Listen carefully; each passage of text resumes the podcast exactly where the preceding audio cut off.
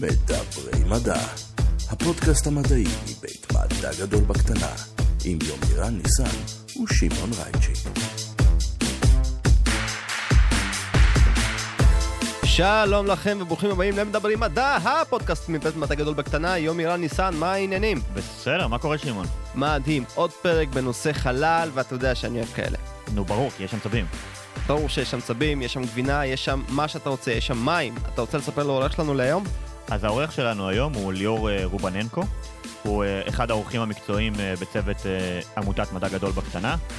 הוא דוקטורנט באוניברסיטת UCLA היוקרתית בארצות הברית, והוא חבר במשימת LRO של נאסא, שכרגע חוקרת ומסתובבת ושולחת לנו המון המון מידע מגניב על הירח. אתה רואה מה זה? אתה משחרר ישראלים מחו"ל, וחצי מהם מגיעים לנאסא בסוף. כמו אז שצריך. אה, כן, עוד פרק אה, מדהים לפנינו, בואו נתחיל לדבר מדע. אהלן ליאור, מה העניינים? מצוין, מה נשמע? יופי, כיף שאתה כאן. גם לי מאוד כיף. גם אתה, כמו רוב האורחים שלנו בזמן האחרון, הגעת מארצות הקור. ארצות החום, ארצות החום. ארצות אה, החום, נכון. זה... החוף המערבי של ארצות הברית. אני לא יודע, עכשיו קר לי, אז אז אני מניח שבכל העולם קר לי מירן, איך אתה? אה, בסדר, אתה יודע, הגיע הזמן להוציא את הבגדים הארוכים מהארון מבחינתי. נכון. אה, אבל כמה שקר אה, כאן, על הירח, אני מניח נעים. תלוי איפה, האמת.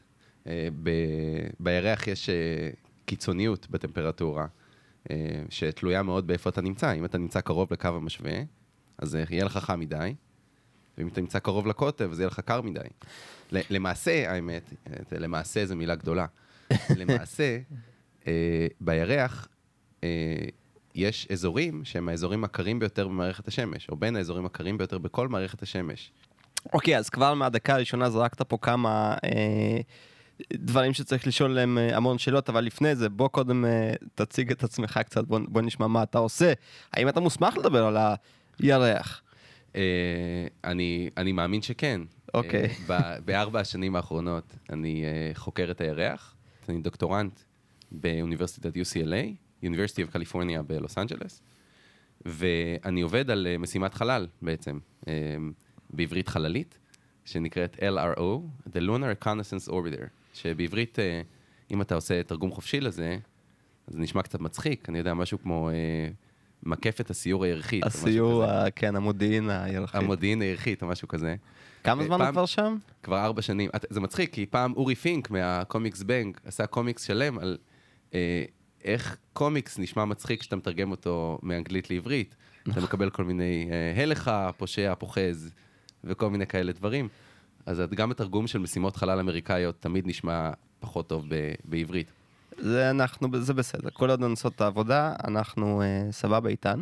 אני רק חושב על כל האנשים ב- באקדמיה ללשון שצריכים להמציא כל מיני ביטויים הזויים שהם, לא יודע, כאילו, אתה ממציא משהו ואתה יודע שאף אחד אף פעם כנראה לא ישתמש בזה, אבל במקרה של אה, תרגומים של מושגים מדעיים, לפעמים אני פשוט אומר, תשאירו את ההיבריש, אנחנו נסתדר.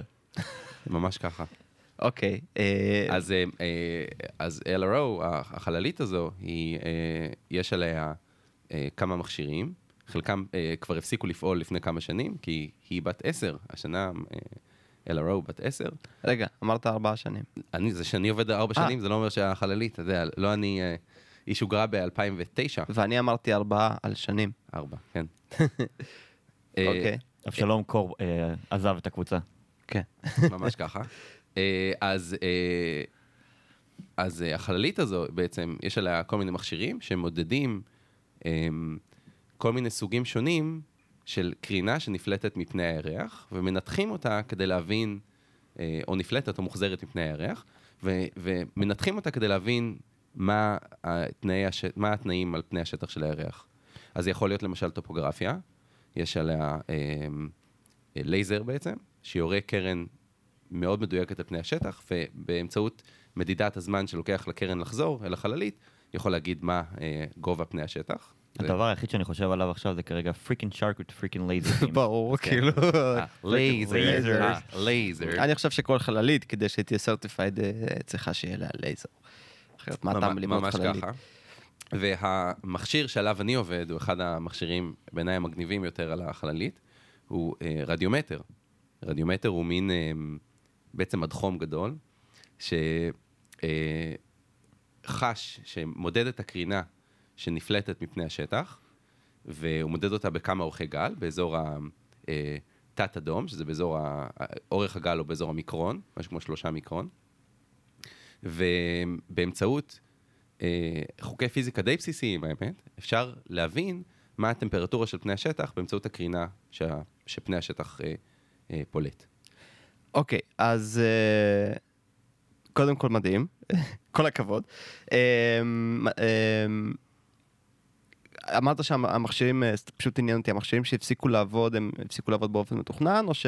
זו שאלה טובה. אז אה, יש כמה אה, מכשירים שקובו באופן אה, אה, מתוכנן, אני אגיד ככה, הם לא עבדו כמצופה.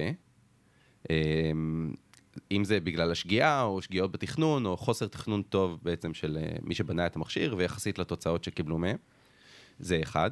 ויש כמה מכשירים שפשוט אה, אה, הפסיקו לעבוד עם הזמן. אה, לא, לא, גם לא סיפקו את התוצאות שהיו צריכים אה, לספק, בעצם, אה, או שהיה מצופה מהם לספק, מהם לספק, וקובו כדי לחסוך בדרך כלל בטריה. חבל על החשמל. ממש ככה, כן.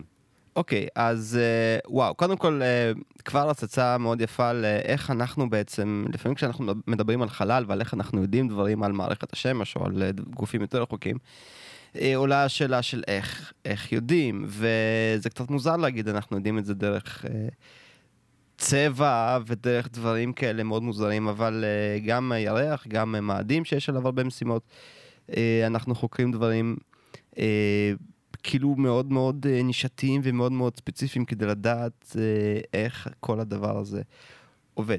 אז התחלת, אה, בתחילת הפרק אמרת שהירח הוא אה, מקום אה, שיש בו את הטמפרטורות הכי קרות, בין הכי קרות בין הכי קרות כן, השמש. את זה, כן. ומצד שני אמרת שעל הצד השמשי יהיה לנו מאוד חם. אז, אז אני אספר לכם על שני מקומות מאוד מעניינים במערכת השמש, שמאוד מעסיקים אותי באופן אישי והרבה אנשים אחרים. אה, אחד מהם זה הירח, שכבר דיברתי עליו, והשני הוא כוכב הלכת מרקורי, אה, בעברית אה, כוכב חמה, למרות שכבר אמרנו שהוא לא כוכב ולא חמה, ולא חמה, כן. אלא אם כן מדברים על המרקורי כמובן. על המרקורי האגדי. האגדי, כן, בדיוק. אמ, ושני המקומות האלה הם דומים מאוד, אבל גם שונים מאוד באופי שלהם. אני רק אה, אגיד שהיו לנו אנש- חברי צוות במדע גדול בקטנה, שאמרו שקווין היא לא להקה אגדית, והם כבר לא איתנו. מק- מקומם לא ידוע, כרגע, אבל... אה, דקת דומייה זה- לזכרם. זה טופל. אני, כן. לא, אג- אני לא אגיד את דעתי על קווין, לא, סתם. בקיצור, אה, ייחתך בעריכה. ככל הנראה. אה, אז אמרנו כבר ששני המקומות האלה, אה, כוכב הלכת אה, מרקורי והירח של כדור הארץ, הם מאוד דומים וגם מאוד שונים בהרבה מובנים. אה, לשניהם אין אטמוספירה, כמו כדור הארץ, שמגנה עליהם מפני ה, אה, ה- הסביבה המאוד עוינת הזו. שנקראת השמש. שנקראת השמש, החלל בכלל. כן, בחלל יש הרבה דברים שאנחנו לא רוצים להיחשף אליהם. כמו תנינים. תנינים, כן, חלקיקים אנרגטיים מאוד שהיו עושים בנו שמות אם היו אה, חודרים את האטמוספירה. כן, דיברנו על זה קצת בפרק עם רונה, על, אה, כן. על השדה המגנטי שמגן על כדור הארץ. נכון. ארוחות אה, חלל, דברים כאלה, כן. אז, אז למרקורי יש שדה מגנטי חלש יותר מזה של כדור הארץ, לירח אין שדה מגנטי גלובלי בכלל, יש מקומי, ואין אטמוספירה בשני, ה, בשני כוכבי הלכת האלו, בשני, ה, בשני הגופים גופים, הפלנטריים כן. האלה, כן, זה, הם לא בדיוק כוכבי לכת, אחד מהם לא בדיוק כוכב לכת, ומה שמאוד מעניין בהם זה שציר הסיבוב שלהם יחסית לשמש, כלומר, הירח הוא מקיף את כדור הארץ כמובן, אבל כדור הארץ מקיף את השמש, ולכן יש גם ציר סיבוב יחסית לשמש. אז ציר הסיבוב של הירח יחסית לשמש, וציר הסיבוב של מרקורי יחסית לשמש, הם מאוד מאוד קטנים. מאוד קטנים מאוד, זה אומר שבמרקורי מאוד קשה לדעת כמה קטן הוא, הוא כנראה פחות מ-0.1 מעלות, אוקיי? כלומר, הוא ממש... הוא מפנה את הכתבים שלו כל הזמן באופן מאונח. באופן מאונח למישור המילכה, מה שנקרא מישור כוכבי הלכת. כן. אה, והירח גם, הירח, אה, ציר הסיבוב של הירח יחסית לשמש, מה שאומר שהוא הוא קצת כמו. שווארמה. כלומר, אם, אם תעמוד על הקוטב שלו, אתה ממש תתאגן יפה מכל הצדדים, בניגוד לכדור הארץ למשל. הוא ש- שווארמה גרועה מאוד, מרקורי. ולמה הוא שווארמה גרועה מאוד? הוא, הוא באמת סוג של שווארמה, אבל, אבל על הפנים. כי אה, מרקורי לא בדיוק מסתובב סביב צירו, אה, סביב השמש. הוא לא נעול כבידתית ב-100%, למרות שפעם חשבו שאני תכף אכנס בדיוק למה זה אומר נעול כבידתית, אבל הוא לא מה שנקרא נעול כבידתית. אה, הוא לא מפנה צד אחד אל עבר השמש כל הזמן, אלא הוא אה, נמצא באיזשהו סוג של אה, מסלול שנקרא מסלול תהודתי, יש לו תהודה, בין הסיבוב העצמי שלו לס- לסיבוב שלו סביב השמש. אז הוא מסתובב מאוד לאט אה, סביב השמש, ואם היית עושה ככה שווארמה, היא הייתה well done, כן, אה, well done בצד אחד, ומאוד קרה בצד כן. שני. לא להיט. ורק אה, לומר, ממש בקצרה, שהמצב הזה של נעילה כבידתית, הוא ככל הנראה חלק מה, מהסיבות שמרקורי מפנה את, או שהנטייה הזוויתית של מרקורי היא כל כך קטנה יחסית לשמש. ומה הזווית של הירח יחסית למסלול שלו ואלינו? כי הוא נעול אלינו. אז יחסית לכדור הארץ, נכון מאוד. הירח הוא נעול כבידתית לכדור הארץ, לא לשמש. כן. אה, כלומר, צד אחד שלו פונה אלינו. תמיד פונה, זה הסיבה שאנחנו רואים את הכתמים האלה, השחורים, מהמם. כל, תמיד, כל ערב. תמיד את אותו הפרצוף, ומכאן גם קצת המיסקונספציה הזאת של הירח, יש צד אפל, אין צד אפל. שנעשה דיסק. אתה יודע, אתה. יודע משהו? אני אפתיע אותך, ואני אספר לך שלירח יש צד אפל. יש נקודות אפלות, יש נקודות אפלות. ואנחנו תכף נדבר על הנקודות האפלות. כן. אמ, אבל זה שם פחות טוב שם לאלבום. פחות טוב, בדיוק, לא אי אפשר להגיד הנקודות האפלות של הירח. אה, והנטייה הזוויתית של אה, הירח יחסית לכדור הארץ היא כחמש מעלות, יחסית לשמש היא כמעלה וחצי. כי דברים מסתדרים באופן יפה, האמת שלא כל כך במקרה, אבל דברים מסתדרים באופן יפה ככה, שהנטייה הזוויתית של הירח יחסית לשמש תהיה מאוד מאוד קטנה. ואז אני רוצה שתדמיינו שאתם חופרים בור ליד הקוטב בירח, והבור הזה מטיל צל. עכשיו, אם בכדור הארץ... פנימה לתוך עצמו, הכוונה. בתוך כן. עצמו, בדיוק. אם תחפרו בכדור הארץ בור, נגיד בקו ה... תלכו לאנטארקטיקה משום מה ותחפרו שם בור, אז uh, באנטארקטיקה יש קיץ חצי שנה וחורף חצי שנה, זאת אומרת, יום חצי שנה ולילה חצי שנה. אז הבור הזה, בשלב מסוים של השנה, תמיד יהיה מוצף בשמש, נכון? כן. בירח, בגלל שאין לו נטייה זוויתית, וגם מרקורי, אז הבורות האלה אה, יהיו בצל תמיד. כלומר, רק כדי לחדד, זה קצת תלוי בעומק הבור. אה, זה תלוי בעומק הבור, אבל בנקודות מסוימות זה לא תלוי בעומק הבור, אם תחשוב על זה, כי אתה, מאוד מאוד מאוד קרוב לקוטב, לא, נכון, אז, אז אה, בגופים כמו מרקורי וכמו הירח, במובן הזה, אה, כל בור בעצם יהיה לו את התופעה הזאת, שתמיד הוא יטיל על הקרקעית של עצמו צל מהדפנות שלו. נכון מאוד, כן. אה, והבורות, למזלנו, לא צריך ללכת, אה, לא, לא צריך ממש לחפור בור על מרקורי והירח, כי התנינים שבחלל, נכון, התנינים והצו הגדול שמרים את כדור הארץ, כן. הם אלו שחופרים את הבור בשבילנו. הוא חפר את זה בשביל להטיל ביצים. נכון מאוד. אה, כי יומרן יומרן יכול. להסביר לנו יותר על צבים אחר נכון. כך. על צבי חלל. אני, כאילו, אנחנו נביא את אלכס לעוד פרק, שידבר איתנו על... אה, צבי חלל. גם ככה- שמעתי אה, ממנו אה, תלונות על זה שלא דיברנו בכלל על לטאות. בסדר, אלכס, אל תדאג, יהיה פרק על לטאות. כן. אז, אז למזלנו יש גופים גדולים במערכת השמש, שנקראים, אה, כשהם מגיעים ל- אה, לאטמוספירת כדור הארץ, או שהם פוגעים בפני השטח של כוכבי הלכת, אנחנו קוראים להם מטאורים. לפני זה הם אסטרואידים או, או משהו כזה. מטאורידים. אה, והגופים האלה הם גופים סיליים או קרחיים, שמתנגשים בעוצמה באדמה של אה, כוכבי הלכת, וחופרים בורות, שאנחנו קוראים להם מכתשים. אה, גם על כדור הארץ זה קרה בכדור פעם. הארץ זה קרה, יש ב, באריזונה בארצות הברית יש מכתש יחסית טרי, שקוראים לו בשם המקורי מאוד מכתש מטאור. אה, כשאתה אומר טרי, רק אה, בשביל לסבר את האוזן, כמה- על איזה תאריך אנחנו בערך מדברים? אני חושב שזה מיליוני שנים. אני, אוקיי. לא, אני לא זוכר את התאריך. קיץ, חורף, מה? בדיוק. אביב. אה, אבל, אבל מכתש יחסית טרי. אוקיי. ועל הירח, אנחנו יודעים לתארך את המכתשים? כן, אנחנו גם נגיע תכף ל- לתארוך של המכתשים, אבל המכתשים האלה בעצם, הם יכולים להיות יחסית עמוקים ויחסית גדולים, ולכן הכמות הצל התמידי, מה שאנחנו קוראים לו באנגלית צל תמידי, שמוטלת על ידי המכתשים האלה היא אה, יחסית גדולה, באופן יחסי גדולה. עכשיו, אנחנו קוראים למכתשים האלה צל תמידי, כי אם אתה עושה את המתמטיקה, אם אתם עושים חישוב מדויק של מסלול הירח לאורך מיליארדי השנים של הקיום שלו, אה, אז מגלים שהמסלול שלו לא כל כך השתנה לאורך השנים. קצת השתנה, אבל לא, לא באופן משמעותי. במרקורי זה עוד יותר נכון ככל הנראה. ו- ועוד פעם, הסיבה לכל התופעות המעניינות האלה שאנחנו רואים, היא ההבדל הגדול בין המסה אה, אה, של מרקורי לבין המסה של השמש שהוא מקיף, או אה, הירח וכדור הארץ ב- והשמש בהתאם. וכן, בעצם משוואות אה, ניוטון הבסיסיות. כן, קצת אה, מעבר לזה, אבל כן, נכון. בגדול זה מתחיל, מ- כל הסיפור מתחיל מניוטון. ניוטון פלוס פלוס. כן. ניוטון פלוס פלוס, כן. ו... ניוטון והרחבותיו, כן. ו... אז אה, המכתשים האלה. בכתבים, או הצל שהמכתשים האלה מטילים, והמכתשים עצמם, הוא בין מיליארדי שנים בעצם. כי המסלול לא כל כך השתנה, אם תחשבו על זה לאורך ה... אה, או ככה מראים החישובים שלנו לפחות, לאורך השנים. אז אה, תיאורטית, בוא נניח שאני שם בתוך אחד המכתשים האלה, המאוד מאוד מוצלים, אה, אני שם באחד המכתשים המאוד מוצלים האלה קרח, לפני שלושה מיליארד שנים. זה היית אתה שעשה את זה? לא, זה? הצו, דיברנו על זה, זה הצו. תפסיקו רגע, להאשים אותי. הצו גם חפר וגם שם את הקרח. אולי הצו מטיל ביצי קרח, אה, וואו, זה כאילו, אתה עושה פה הרחבות של המיתוסים, זה קשה לנו כבר לעקוב.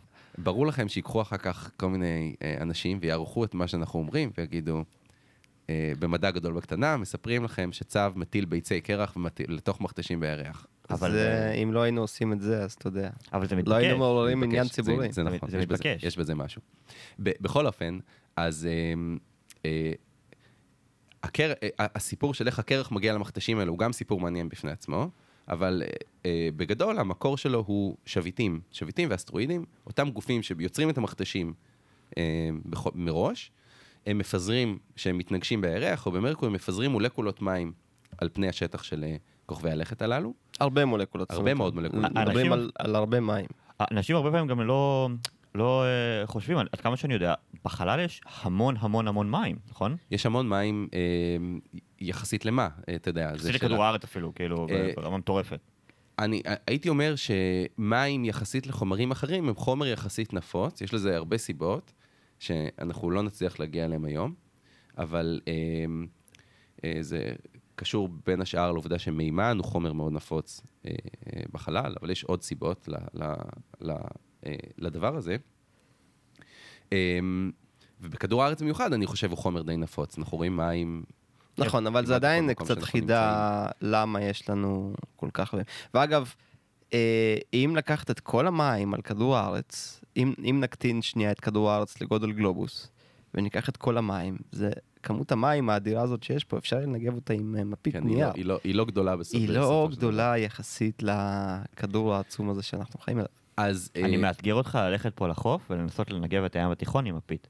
תן לי. מפית מספיק גדולה. אז אה, בכל מקרה, המכתשים המאוד עתיקים האלה על, על הירח ועל מרקורי, אה, אם, מתוס, אם, אם נאסף לתוכם קצת קרח לפני הרבה מאוד זמן, אה, עידנים גיאולוגיים, מה שנקרא, אז הקרח הזה יישאר שם. והסיבה שהוא יישאר שם זה כי כמו שאמרנו, לירח אין אטמוספירה, אז אין ערבול של חום מקו המשווה אל עבר הכתבים. אה, ודבר שני, הצל הזה שמוטל באופן תמידי, שומר על, המכת... על, הטמ... על הרצפה של המכתש בטמפרטורה מאוד נמוכה. זה שאין אטמוספירה גם אומר שהמכתשים האלה לא ממש ממהרים להתכסות, נכון. כמו נכון הרבה. מכתשים בכדור הארץ, בכדור הארץ, שהלכו. ונעלמו עם נכון, נכון מאוד, כן. הדינמיקה הזאת שיש כאן ושאין שם. אתה, אתה צודק מאוד, וכל הסיבות האלה גורמות לכך שאם נכנס לשם קצת קרח, אז הוא יישאר שם. עכשיו, על איזה גודל של מכתשים בגדול אנחנו מדברים, רק בשביל אה, לסבר את האוזן אה, אה, למאזינים? המכתשים נעים בין אה, מטרים עד אה, מאות קילומטרים. אה, זאת אומרת. זה יכולים להיות ממש מכתשי ענק. יכול להיות, כן. אה, כמות הצל התמידי שמכתשים מטילים הוא לא כמו, הוא לא כגודל המכתש, אלא הוא קטן יותר. כן. כי אתם יכולים לדמיין שהשמש, מנקודת מבט של המכתש, השמש עושה סיבוב מסביב למכתש, נכון? אה, ומאירה חלקים שונים בתוך המכתש. אז כמות הצל התמידי היא בדרך כלל, כלומר, רק על הקרקעית, על, ממש על הקרקעית באמצע. בצד שקרוב יותר, ל, אני אגיד, לקו המשווה, בצד של המכתש שקרוב יותר לקו המשווה. זאת אומרת שפונה אל עבר הקוטב. מהמם. תגיד, אה, עכשיו יש אה, הרבה מאוד דיבור על אה, להגיע לירח, אה, בראשית, אה, גם אה, אירחנו פה אה, את אחד המהנדסים שלה. ואחת הסיבות היא שההבנה הזאת שיש שם מים, ממים אפשר להכין אה, בין היתר דלק, אה, להפריד אותם לחמצן מימן. אה, ועניין אותי ממש לדעת על כמה מים אנחנו מדברים. זאת אומרת, זה נשמע לי כמו די מעט, יחסית פשוט לבור שבתחתית שלו מצטבר קצת. אז, אז. קודם כל אתה צודק בהחלט, זה די מעט. אני חושב שנגעת פה באחת הסוגיות, ה, לדעתי, יותר מרתקות בחקר מערכת השמש. כי שני הגופים האלה שסיפרתי לכם אה, עליהם, מרקורי והירח, הם מאוד שונים בכמות הקרח שנמצא, שנמצא, שנמצא במכתשים שלהם אה, באזור הקוטב. אה, במרקורי יש לנו עדויות מאוד טובות, אה, בין השאר מרדאר, זאת אומרת טלסקופ רדיו ענקי שנמצא בכדור הארץ, ויכול לראות את הקוטב הצפוני של מרקורי. אז יש לנו עדויות מאוד טובות. איך הוא יכול להיות? אנחנו מספיק... אה, הסיבה היא שכדור הארץ, אה, שהוא מקיף, כשהוא מקיף את השמש, אז אה, לפעמים הקוטב הצפוני של מרקורי נחשף קצת, לא הרבה, קצת אל עבר כדור הארץ. כלומר, המישור- מישורי סיבוב שלנו מספיק אה, לא, לא אה, זהים כדי שנוכל להציץ קצת... אה, בדיוק, זה קשור למישור הסיבוב, לאינקלינציה, מה שנקרא, כן. לזווית הסיבוב יחסית, ל, אה, יחסית ל, למישור מערכת השמש, מישור המילקה. ומדי פעם אנחנו יכולים לראות, יש איזו הזדמנות פז כזו, שבמהלכה אנחנו יכולים לראות באמצעות הטלסקופ רדיו הזה, את הכתבים של כוכב הלכת אה, מרקורי. ואז רואים- מצלמים מהר, מצלמים מהר, מצלמים מצלמים מהר. מהר, בדיוק, ו- רגע, מה זה, מה זה הצו הזה בפריים? ממש ככה. מה- למה יש שם צו? ולמה הוא מטיל ביצי קרח?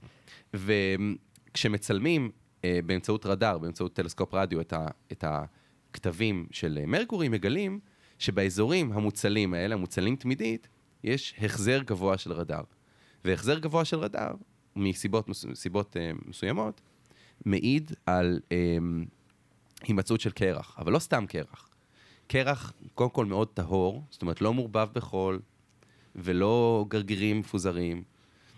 הייתי קורא להם קרחונים אפילו, כי חלק מההערכות מהשנים האחרונות מדברות על כך שהעומק או העובי של הקרחונים האלה הוא עשרות מטרים. מדברים על 50-60 מטרים. ואנחנו מדברים כרגע על, על מרקורי. מרקורי. עכשיו, אני רוצה להזכיר לכם שמרקורי הוא אחד מהמקומות הכי חמים במערכת השמש. קו המשווה של מרקורי מאוד קרוב לשמש. אז קו המשווה של מרקורי, הטמפרטורות מגיעות ל-700 מעלות צלזיוס, 800 מעלות שמעון, אתה צלזיוס. יכול ללכת להשתזף. אה, אני יכול לצאת פה לרחוב ולהישרף ב- בשנייה, אז כן. אה, כן, כי כמו שאמרנו, כמו שאמרנו, מרקורי הוא שווארמה מאוד גרועה, כי הוא כן. כל כך קרוב לשמש. אבל, אבל אז, אז יש איזשהו אה, הבדל עצום בין העובדה שהכתבים של מרקורי, או חורים, מכתשים, בכתבים של מרקורי, הם מהמקומות הקרים ביותר במערכת השמש. כן, שממש מכילים, אה, כמו שאתה מתאר, כמעט, קרח. אה, שנקרא, אבל קרח קריסטלי כמעט. כאילו, אה, כי- זה- כי זה הוא כמעט דיון- נ- נקי מאוד. אה, כן, זה דיון מאוד אה, גדול האם הקרח, באיזה צורה הקרח נמצא, אז אני לא, גם, אני- אנחנו לא, לא יהיה לנו זמן להיכנס לזה עכשיו, אבל יש כמות גדולה, אתה צודק, של קרח, זה, זה אני יכול להגיד. ו, ו, וזה מאוד מפתיע למצוא במקום אחד החמים ביותר במערכת השמש, למצוא קרח במכתשים שנמצאים ליד הקודם. ובהתחלה המחשבה הייתה שמרקורי כל כך חם, אז בטח הוא יהיה הכוכב ולכת הכי חם. אה, אבל אז גילינו שבעצם זה שאין לו אטמוספירה אומר שאין לו איך להעביר את החום הזה ולפזר אותו על פני כוכב הלכת. לעומת זאת נוגה הוכיחה את עצמה כגיהנום עלי. עלי נוגה אני מניח ולא עלי אדמות. דווקא בגלל שיש לה אטמוספירה שעושה את העבודה הזאת אה, מצוין. נכון. גם אנחנו בעצם לא קופאים מקור בצד הלילי, כי האטמוספירה שלנו היא סוג של אה, קבל חום כזה. ו- ומה שאמרת הוא בדיוק הסיבה שההבדל הזה בטמפרטורות יכול להתקיים על פני מרקורי.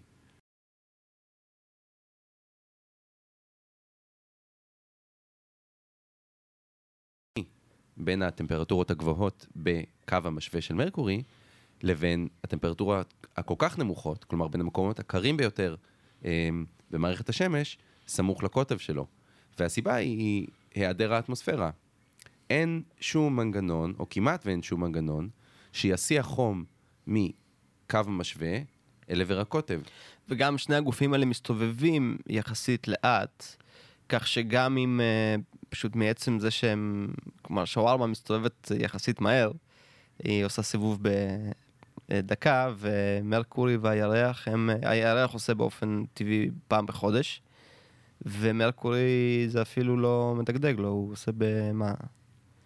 כן, יש קשר למהירות הסיבוב באלמנטים של הסעת חום, אבל, אבל כמו שאמרנו, הקוטב תמיד פונה, כן, לקוטב לא אכפת. לקוטב לא אכפת מהמהירות הסיבוב בעצם. יש איזשהו קשר, אבל, אבל הוא קשר עקיף, הייתי אומר, במקרה הזה. ו... אז באמת במרקורי, שהוא אמרנו, אחד המקומות הכי חמים במערכת השמש, אמ, מצאנו הרבה מאוד קרח. ובירח, שהוא השכן הקרוב אלינו, הייתי אומר, השכן המעניין הקרוב אלינו ביותר, מסתכלים במכתשים המוצלים האלה, ולא רואים כלום. עכשיו, אפשר לכוון רדאר אל עבר הירח, כתבים של הירח, והציפייה הייתה שהיא שכמו שמצאנו במרקורי קרח, נעשה את אותו סקר בירח, נמצא קרח. כי למה לא? זה אותו...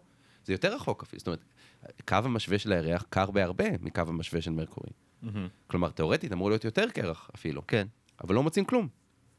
וזו הייתה שאלה שמאוד בלבלה הרבה מאוד אנשים בשלושים שנה האחרונות, מאז שהתחום הזה נוצר. זה תחום יחסית טרי במ- במדעים פלנטריים, שהוא אה, החקר של הקטבים של הירח ומרקורי.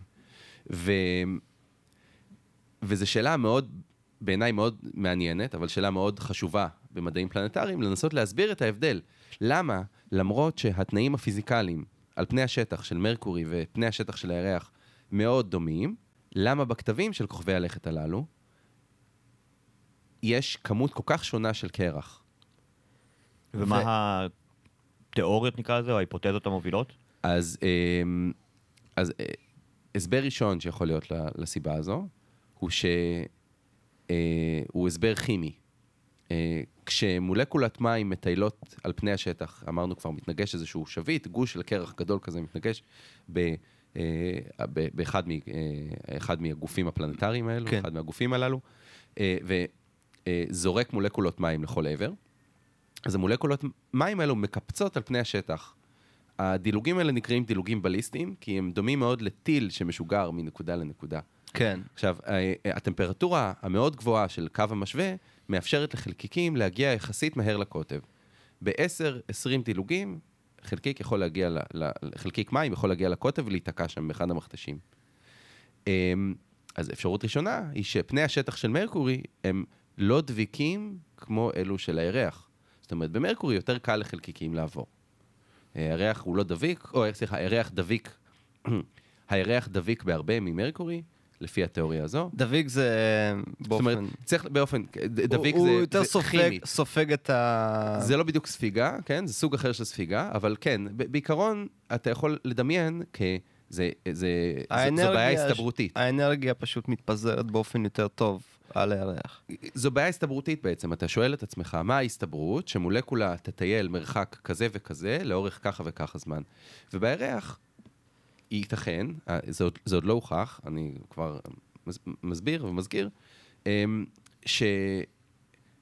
שלמולקולות המים לוקח הרבה מאוד זמן לטייל אל עבר הקוטב. אני רק רוצה אה, להגיד, אה, לציין נקודה שבניגוד לדברים שאנחנו חוקרים על כדור הארץ, כמו עטלפים, אה, בעצם אפשר לקחת דברים פה ולעשות איתם ניסוי, ואז לראות אם העולם עובד כמו שאתה חושב או לא.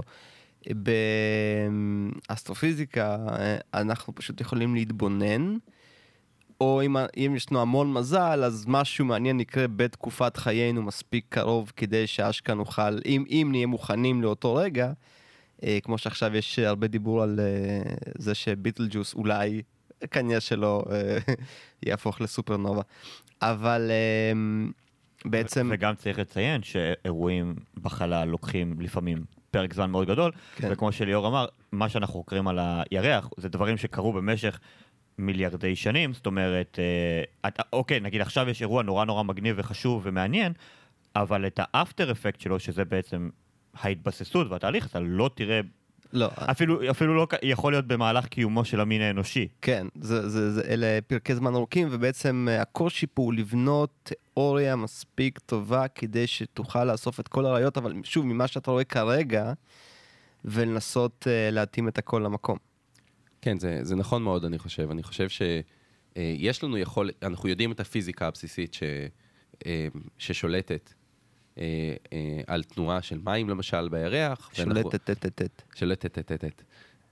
אה, על תנועה של מים בירח, ואנחנו יודעים את הכימיה הבסיסית, אבל באמת, להגיד שאנחנו יודעים בדיוק מה קורה במערכת מורכבת כל כך כמו הירח, זה באמת אה, הגזמה. וגם כשאנחנו כבר אה, חושבים שאנחנו יודעים, אז לטוס לאותו שכן מאוד מאוד קרוב וביתי. אתה יודע, אנחנו, אני, ב, אני בסביבה טובה, לי יש מזל, אה, הירח קרוב. אה, אנשים שעושים באמת אסטרופיזיקה של חלקיקים, כן. מסתכלים על גלקסיות או סופרנובות, אה, הם במצב גרוע בהרבה.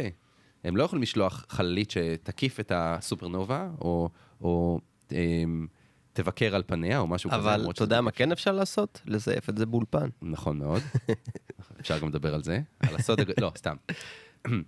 בכל מקרה, אם נחזור רגע לתיאוריות, אז תיאוריה ראשונה היא באמת שפני השטח של הירח הם, הם יותר דביקים מאלו של מרקורי, אז למולקולות הזמן לוקח זמן רב יותר להגיע אל הכתבים, ובזמן הזה הן יכולות להיהרס על ידי כל מיני אה, אה, גורמים קיצוניים ש...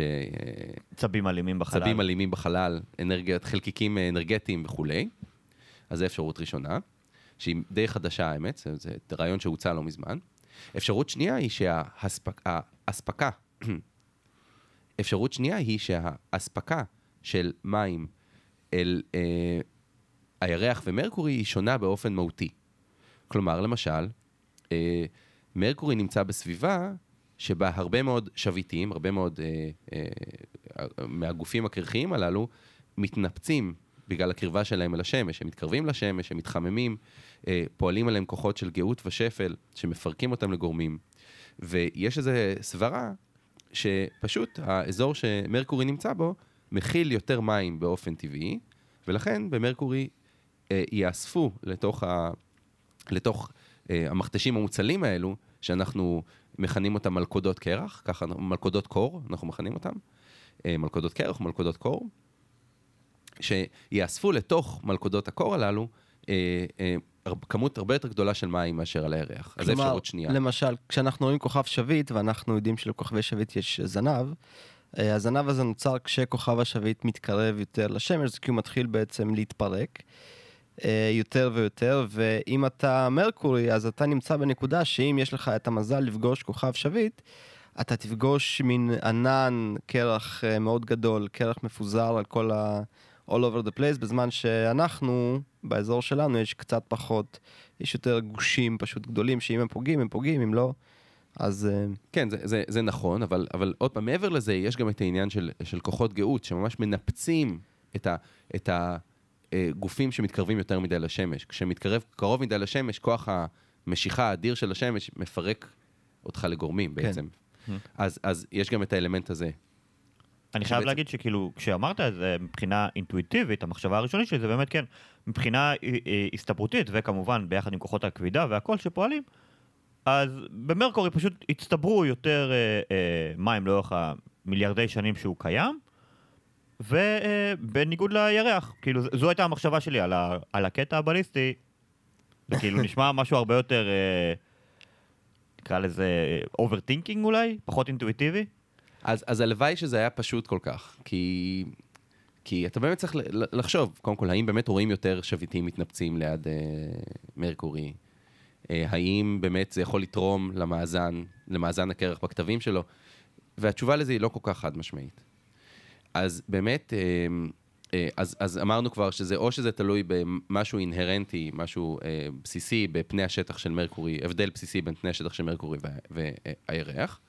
אפשרות שנייה היא שהאספקה של אה, מים, בכלל חומרים נדיפים לשני כוכבי הלכת הללו, או שני הגופים הללו, היא שונה. ואפשרות שלישית, שהועלתה לא מזמן במאמר שפרסמנו, לפני בערך חצי שנה, היא שאולי אין כזה הבדל.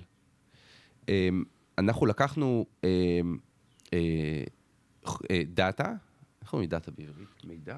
א', דאטה זה בסדר, אה, אפשר להגיד מידע, אבל דאטה... נתונים. נתונים, תודה, נתונים. כן.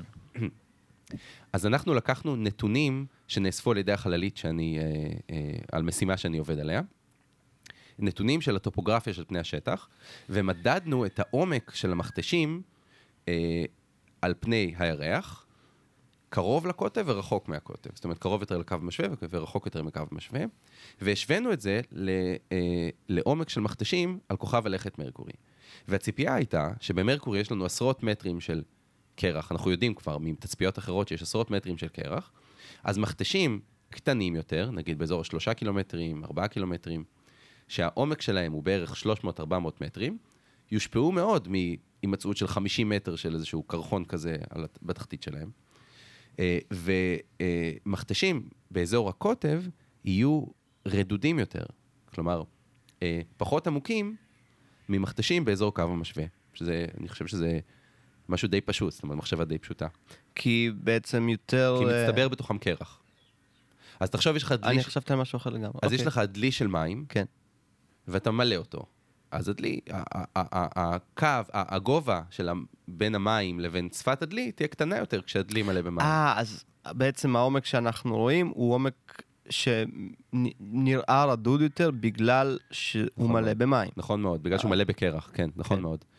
ואז אז על מרקורי עשינו את הבדיקה הזו, וגילינו שבאמת יש, המכתשים נרדודים יותר, בכ-50-60 מטרים, שמאוד מתאים לתצפיות אחרות, שהיו בלתי תלויות לתצפית הזו, של כמות הקרח במרקורי.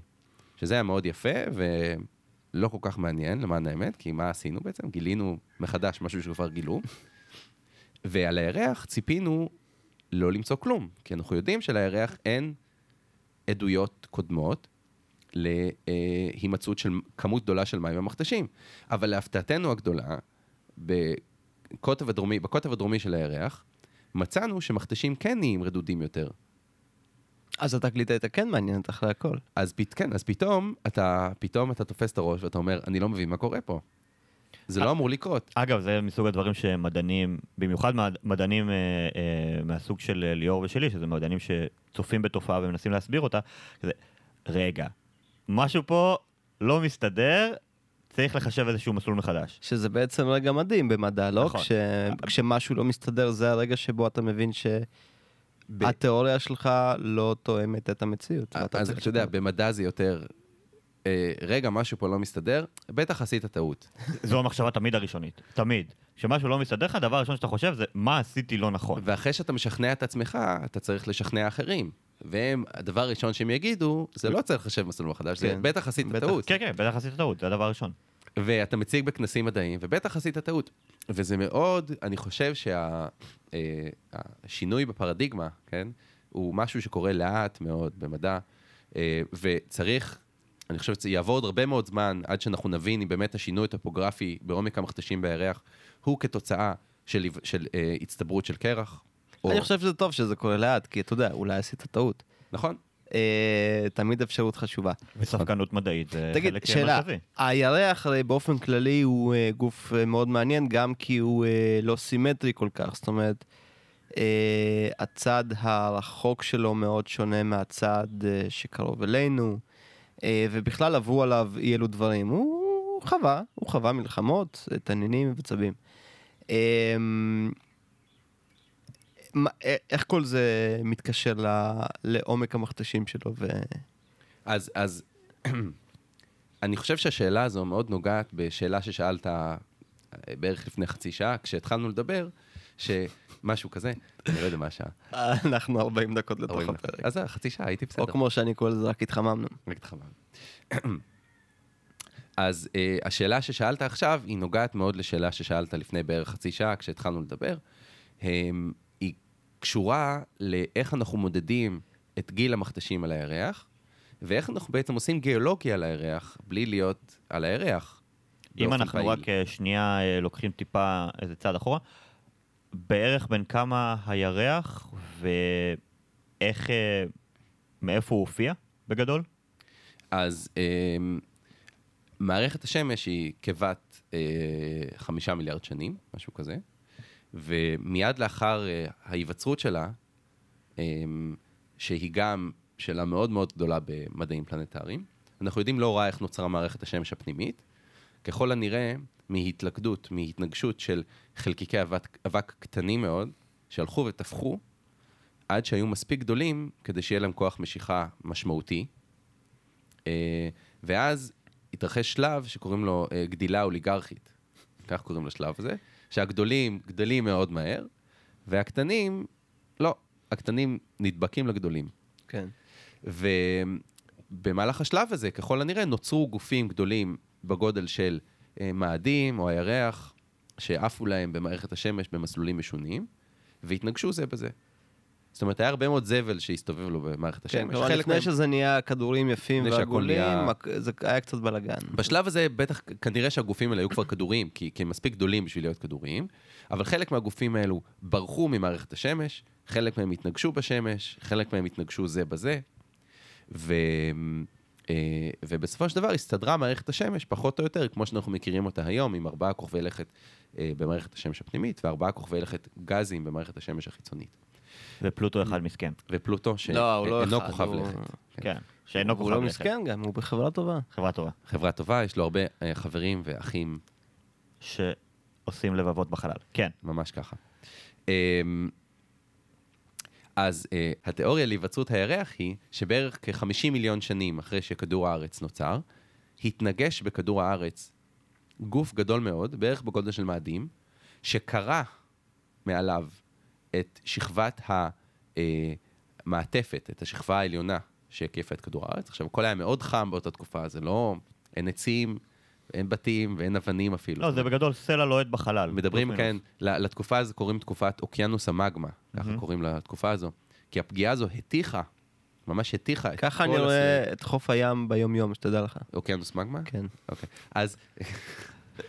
אז...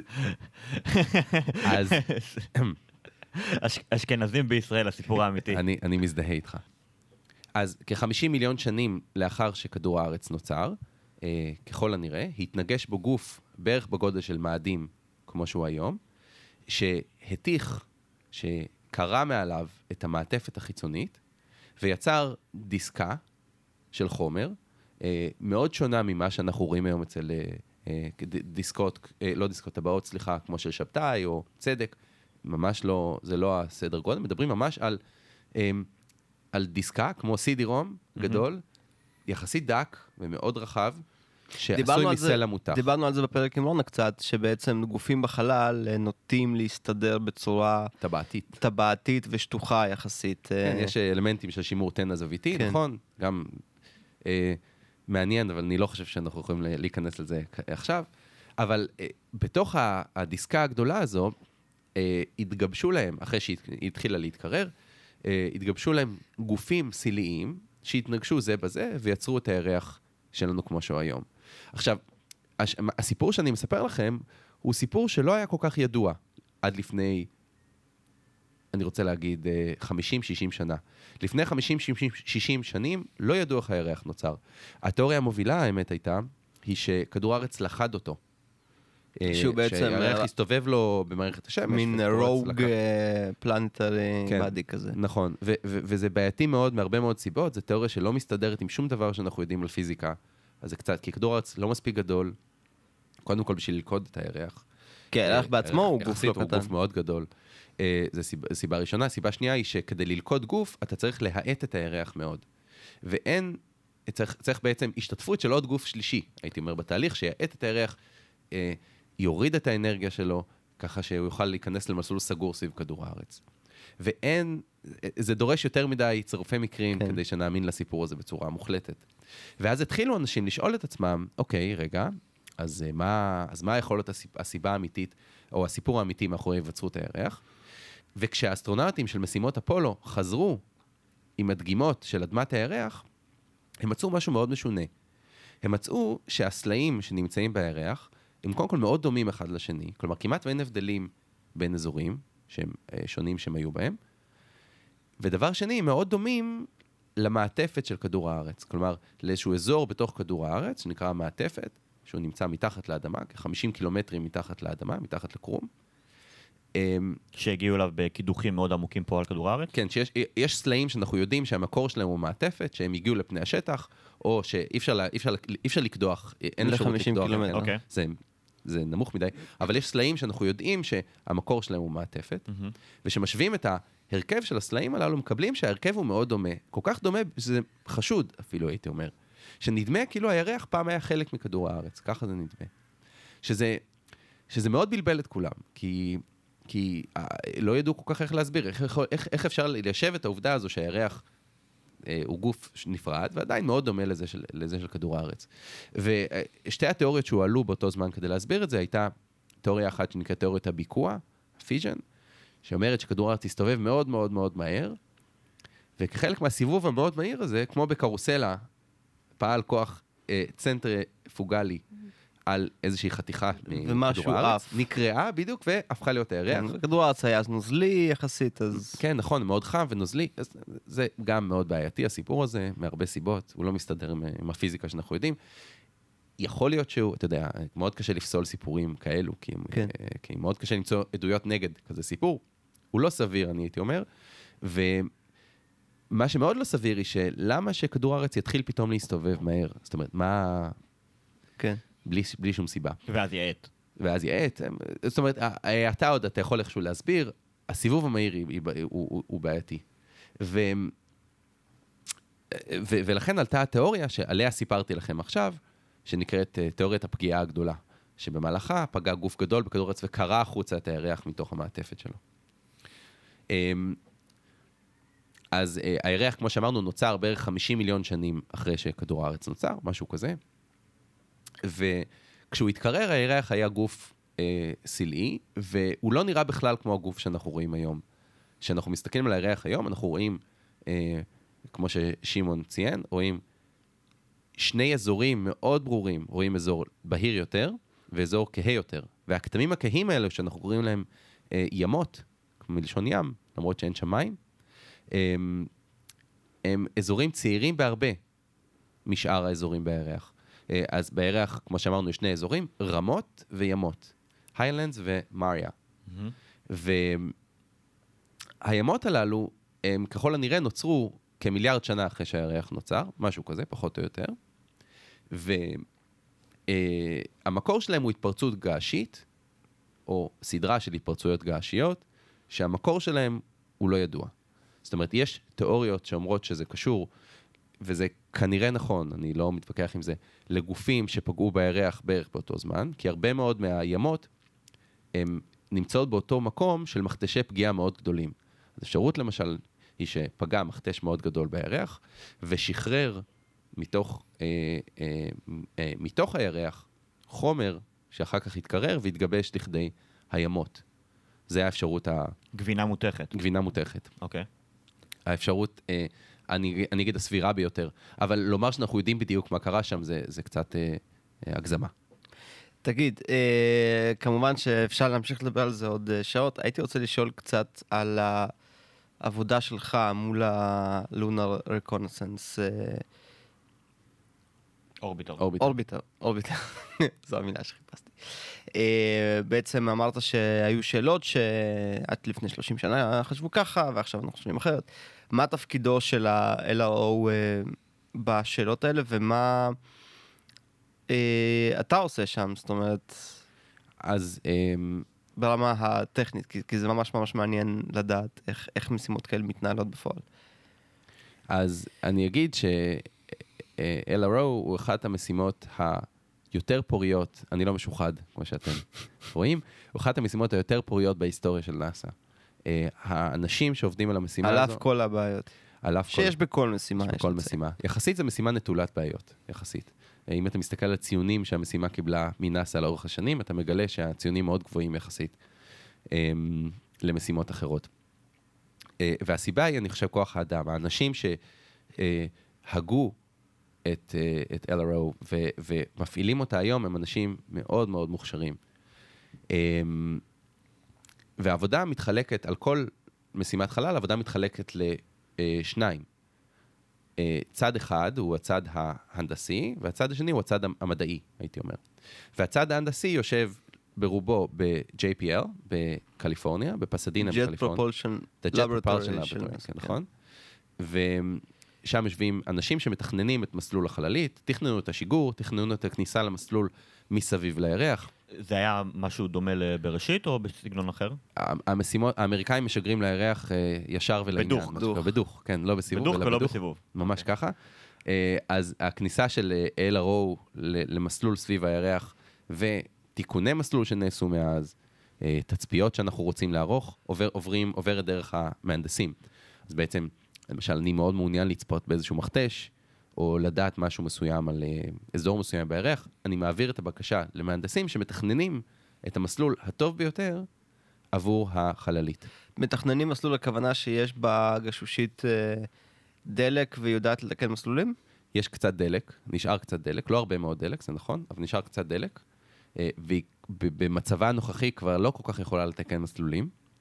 כרגע הדלק שנמצא בה שומר עליה חמה. לא להיכנס, אה, לא, שלא תיכנס לסחרור ותתנגש ב- בירח, או שתברח ממס- מ- מכוח המשיכה של הירח. כרגע צריך לעשות תיקוני מסלול קטנים.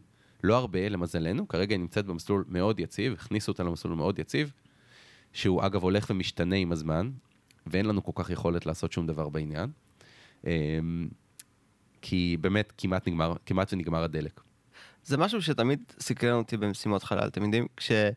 גם כשאני שומע על משימות שיש על המאדים, בעצם אתה מתכנן משימה במשך שנים. לתכנן משימה לוקח המון המון המון זמן. אתה משגר, ומאותו רגע אתה קצת מתחיל לאלתר, כי דברים פשוט אף פעם לא הולכים בדיוק לפי התוכנית. אז uh, האנשים שיושבים שם הם בעצם אנשים שאולי uh, גדולתם היא ביכולת שלהם לתקל אתגרים on the fly, לא רק לתכנן, לא רק לבצע ממש ממש ממש טוב, שזה גם שם, אלא גם להגיד, אוקיי, uh, אם ניקח את בראשית, עוקב הכוכבים נדפק. Uh, בסדר, יש, יש דרכים uh, לעבוד מסביב לזה, והראש של נאסא, הישראלי במקרה הזה, ממציא לנו פטנטים. זה, זה נכון, אה, אבל הייתי אומר שיש פה אלמנט מאוד גדול של מזל, אני חייב לומר. קורים כל הזמן דברים שאתה לא יכול לשלוט עליהם בחלל. חלל היא לא סביבה שקל אה, לעבוד בה. וזה נכון שההון האנושי פה הוא, הוא מכריע, כמובן, אבל גם צריך להבין שיש פה הרבה מאוד מזל. אוקיי, והצד המדעי יותר, שזה הצד אה, שלך. אז uh, בצד המדעי אנחנו מזהים מטרות שמעניינות אותנו, בעצם, ומעבירים אותם לצד ההנדסי כדי שיעזרו לנו לצפות במטרות הללו. עכשיו, הת- התכנון של המשימה המדעית מתבצע uh, בדרך כלל בתוכניות או דו או תלת שנתיות. Uh, יש את המשימה הראשית, הראשונה, שלאחריה uh, יש משימות מורחבות, מה שנקרא Extended Mission, ככה זה נקרא. אנחנו כרגע נמצאים ב-Extended Mission 3, זאת אומרת, הרחבה השלישית של המשימה, מתכוננים למשימה, הרחבת משימה רביעית.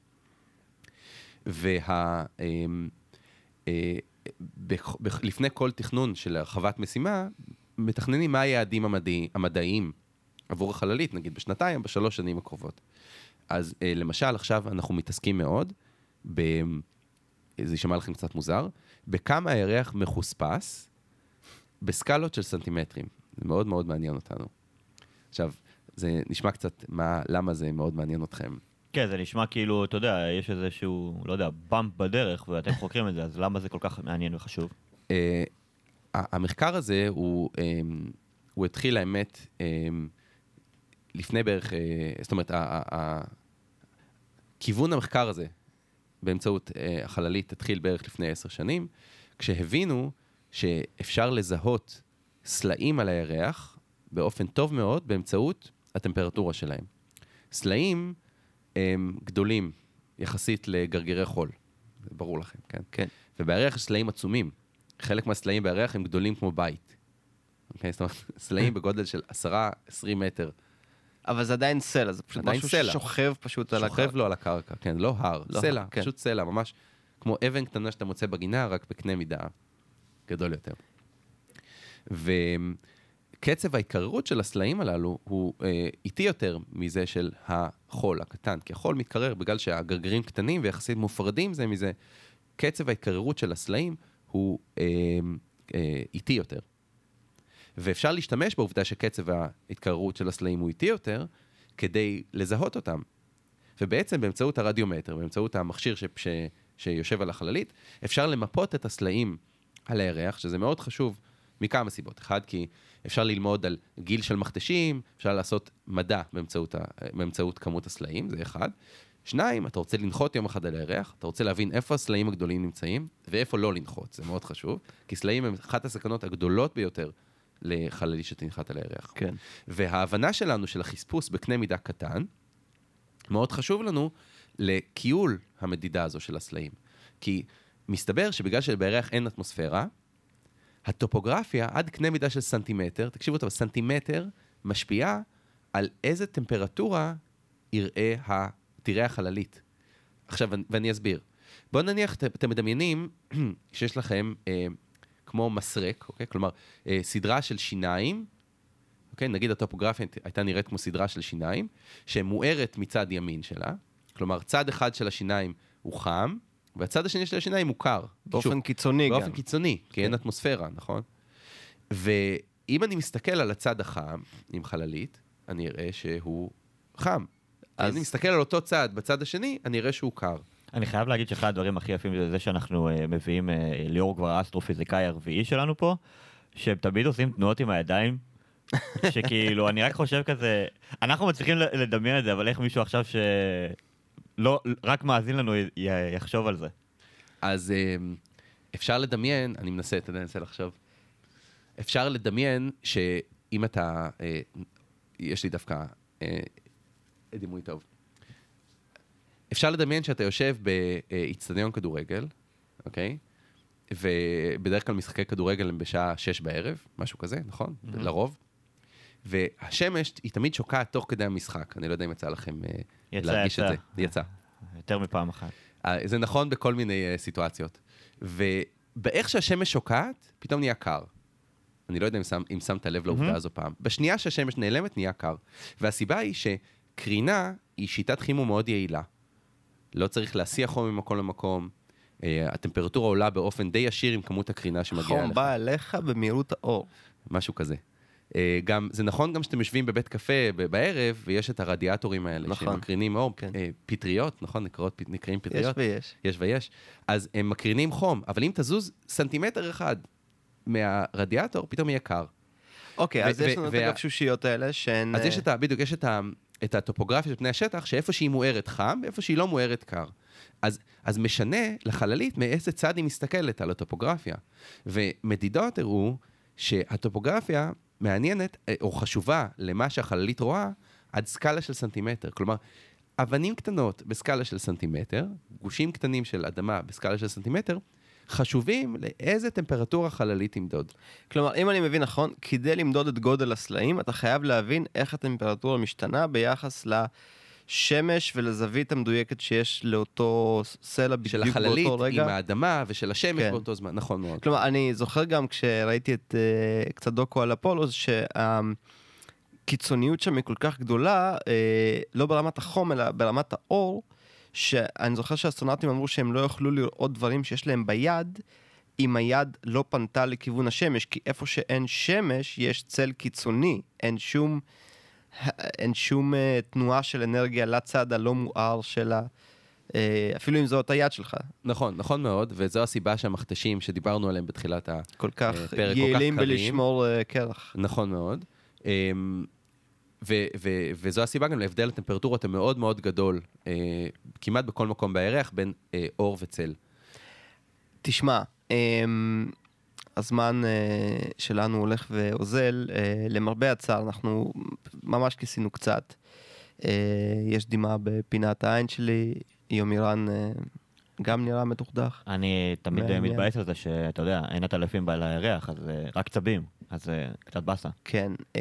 לא אמ, בטוח שאין הטלפים על הירח. אנחנו עוד לא יודעים. As far as we know. אנחנו עוד לא יודעים. ה-LRO אה, אה, בודק עדיין את החספוס של... את רמת החספוס שאנחנו צריכים כדי לגלות את הטלפים. אה, אולי, אולי, אני, אני, בעד, אני בעד שנגלה את הטלפים על הירח יום אחד, ושלך יהיה גם אה, סיכוי להגיע לנאסא ולעבוד על המשימות המדהימות האלה. אה, לצערי, אבל אה, מילת סיכום.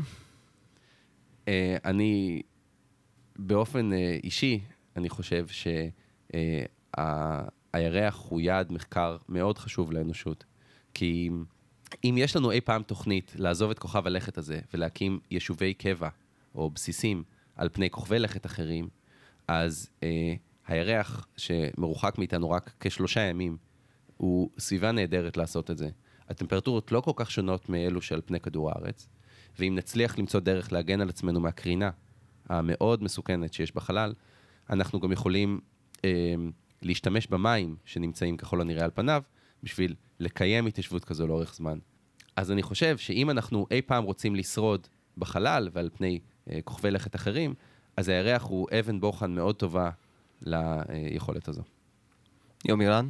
אה, אני, ב- אה, הפרק הזה בעיניי היה אה, מרתק, ובאמת כאילו, נגענו בהרבה מאוד אה, דברים שהאנושות מסתכלת עליהם. אתה יודע, כולם אה, מדברים ישר על מאדים, אבל אה, האתגרים במאדים לעומת הירח הם בגלל המרחק, ובגלל הקושי גם בתקשורת עם אה, כדור הארץ, הם מטורפים. אז באמת ה- הירח יהיה, גם לדעתי האישית, איזושהי אה, מקפצה, בין אם זו טכנולוגית, בין אם זו חשיבתית, על איך אנחנו אה, יכולים אה, להתפשט במערכת השמש שלנו ובחלל. אה, ובסופו, ובסופו של תהליך באמת אה, אה, אולי אפילו לקיים מחקרים מדעיים שונים אה, מהירח, שיש לו הרבה יתרונות שאין לכדור הארץ, כמו אטמוספירה לדוגמה. אה, ליאור, אני באמת רוצה להודות לך שבאת להתארח אה, אצלנו לכם. בפודקאסט. שמחנו מאוד, אה, פרק נהדר, אני עצוב שהוא נגמר, אני עצוב שרוב הפרקים נגמרים. כן, יומירן, אפילו פרקים על ביולוגיה ועל כימיה, אני עצוב כשהם נגמרים. חוץ מעל סרטן, שכל פעם אתה כזה, די! לא, אתה יודע, אני עצוב מהנושא, אבל אני בעיקר עצוב להיפרד ממך.